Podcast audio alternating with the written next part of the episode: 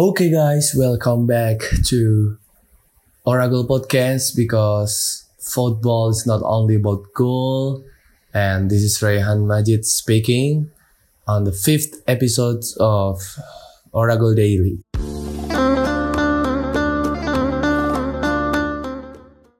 Okay, and I'm gonna talk, I'm gonna review uh, the third match day on the FIFA World Cup 2002 in Qatar and there is so many so many surprises that happening in some match. And the lineup today is first there is uh, Netherlands versus Qatar the host. And then Ecuador versus Senegal. And Iran versus USA and last but not least England versus Wales Oke, okay, we back to bahasa Indonesia. Ya, jadi kita mau nge-review guys. Pertandingan-pertandingan yang terjadi di matchday ketiga ya. Dan sebelum itu, uh, saya mau sedikit bicara soal hidup yang penuh dengan surprise ya. Hidup yang penuh dengan kejutan-kejutan, tanda tanya, dan masa depan yang selalu terlihat abu-abu karena tidak ada satupun manusia yang bisa memastikan masa depan. Tidak ada yang statis, semuanya stuck, uh, semuanya dinamis, sorry. Semuanya berubah-ubah cepat dalam hitungan tahun, bulan, minggu, hari, jam, menit, bahkan detik. Semuanya berubah dengan cepat dan kita sebagai manusia Selain kita punya akal yang membedakan kita dan mungkin membuat kita cukup istimewa bagi beberapa orang apabila percaya seperti itu, yang membuat kita istimewa barangkali adalah kemampuan adaptasi kita. Nggak hanya soal beradaptasi di cuaca yang panas, cuaca yang dingin, di badai, topan, laut, udara, tapi yang paling fundamental bagi saya adalah bagaimana kita beradaptasi di circumstances ya, di berbagai rintangan-rintangan hidup yang ada gitu yang kadang berupa kesenangan, kegembiraan, yang kadang juga berupa kesedihan, kemalangan dan percaya atau tidak semuanya datang satu paket ya. Datangnya senang ya pasti diikuti dengan kesedihan begitu pun sebaliknya. Agak moralis ya dan agak positivis tapi sejauh ini 24 tahun hidup saya ya dan sejauh saya akil balik dan menyadari soal, oh begini ya hidup ya. Rasa-rasanya kurang lebih seperti itu. Dan seperti halnya di sepak bola, sepak bola juga banyak surprise. Banyak kejutan dan ya this is football yang bagian dari kehidupan. Dan kita mau langsung aja bahas sepak bola, nggak sampai bacot ya. Ada pertandingan pertama Ecuador versus Senegal. Pertandingan ini berakhir 1-2 untuk kemenangan Senegal. Gol Senegal dicetak oleh Ismail Assar dan uh, gol lainnya dicetak oleh sang kapten Khalidou Koulibaly yang bermain untuk Chelsea. Kemenangan 2-1 ini sukses membawa Senegal lolos uh, ke fase berikutnya ya sebagai runner up daripada uh, grup A. Ya, dia Senegal menjadi runner up grup A dan mengalahkan Ekuador yang sebetulnya punya kans yang sama tapi kalah melawan Senegal. Kemenangan ini terasa lebih spesial karena terakhir kali Senegal lolos ke Piala Dunia adalah tahun 2002, 2002 sorry. Di tahun 2002 terakhir Senegal lolos dari fase grup. Dan di tahun itu Senegal masih diperkuat oleh Aliou Cisse yang saat itu juga menjabat sebagai kapten tim. Dan kini 20 tahun setelahnya, 2022, Senegal kembali lolos dari fase grup dan di tim ini masih ada Aliou Cisse tapi kali ini berposisi sebagai pelatih.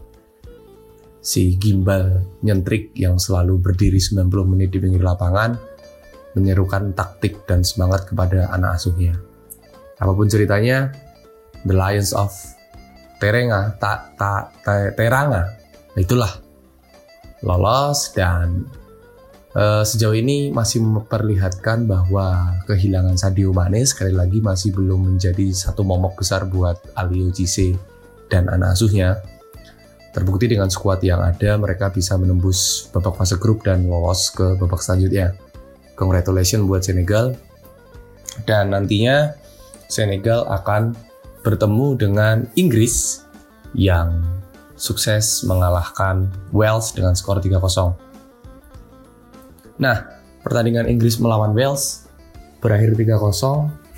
Anak asuh daripada Gareth Southgate sukses menampilkan permainan yang dominatif dan cukup klinis di depan gawang dengan brace dari Marcus Rashford yang nanti di akhir pertandingan akan menyabet penghargaan Man of the Match.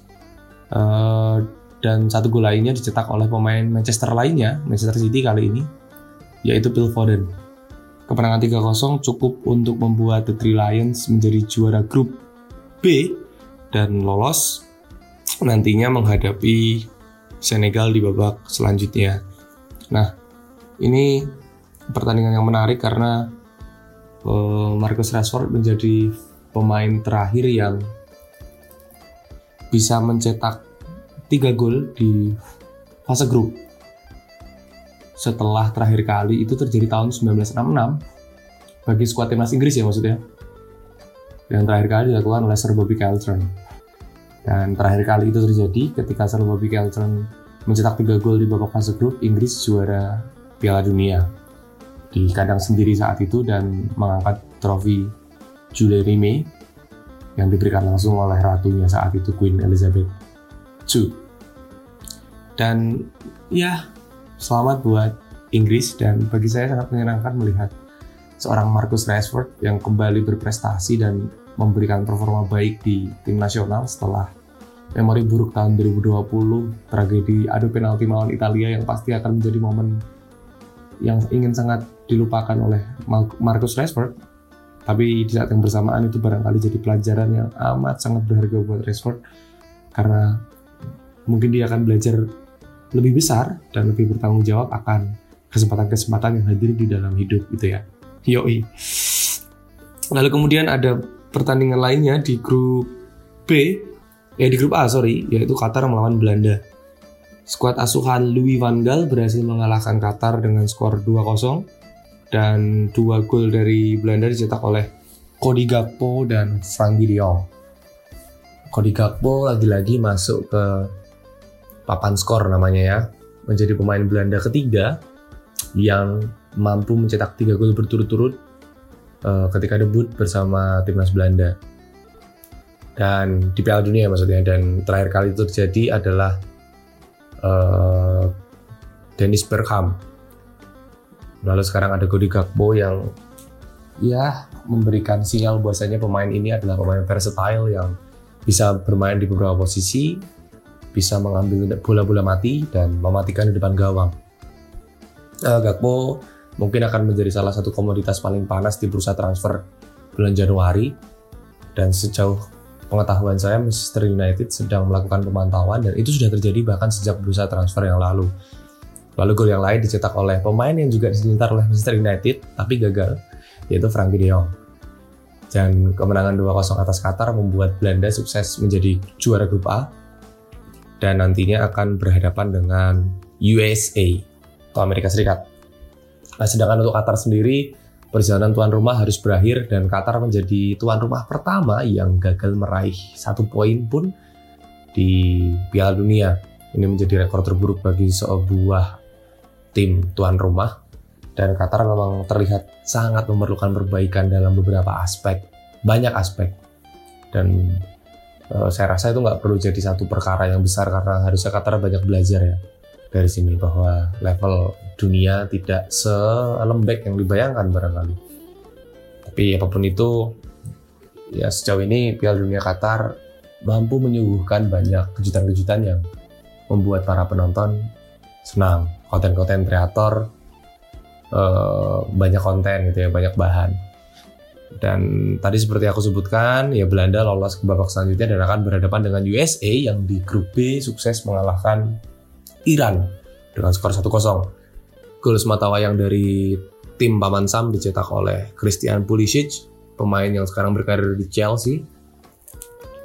Dan pertandingan yang panas baik di dalam maupun luar lapangan karena ya situasi geopolitik dan sejarah konflik kedua negara membuat pertandingan ini jadi punya kesan dan uh, perhatian tersendiri ya.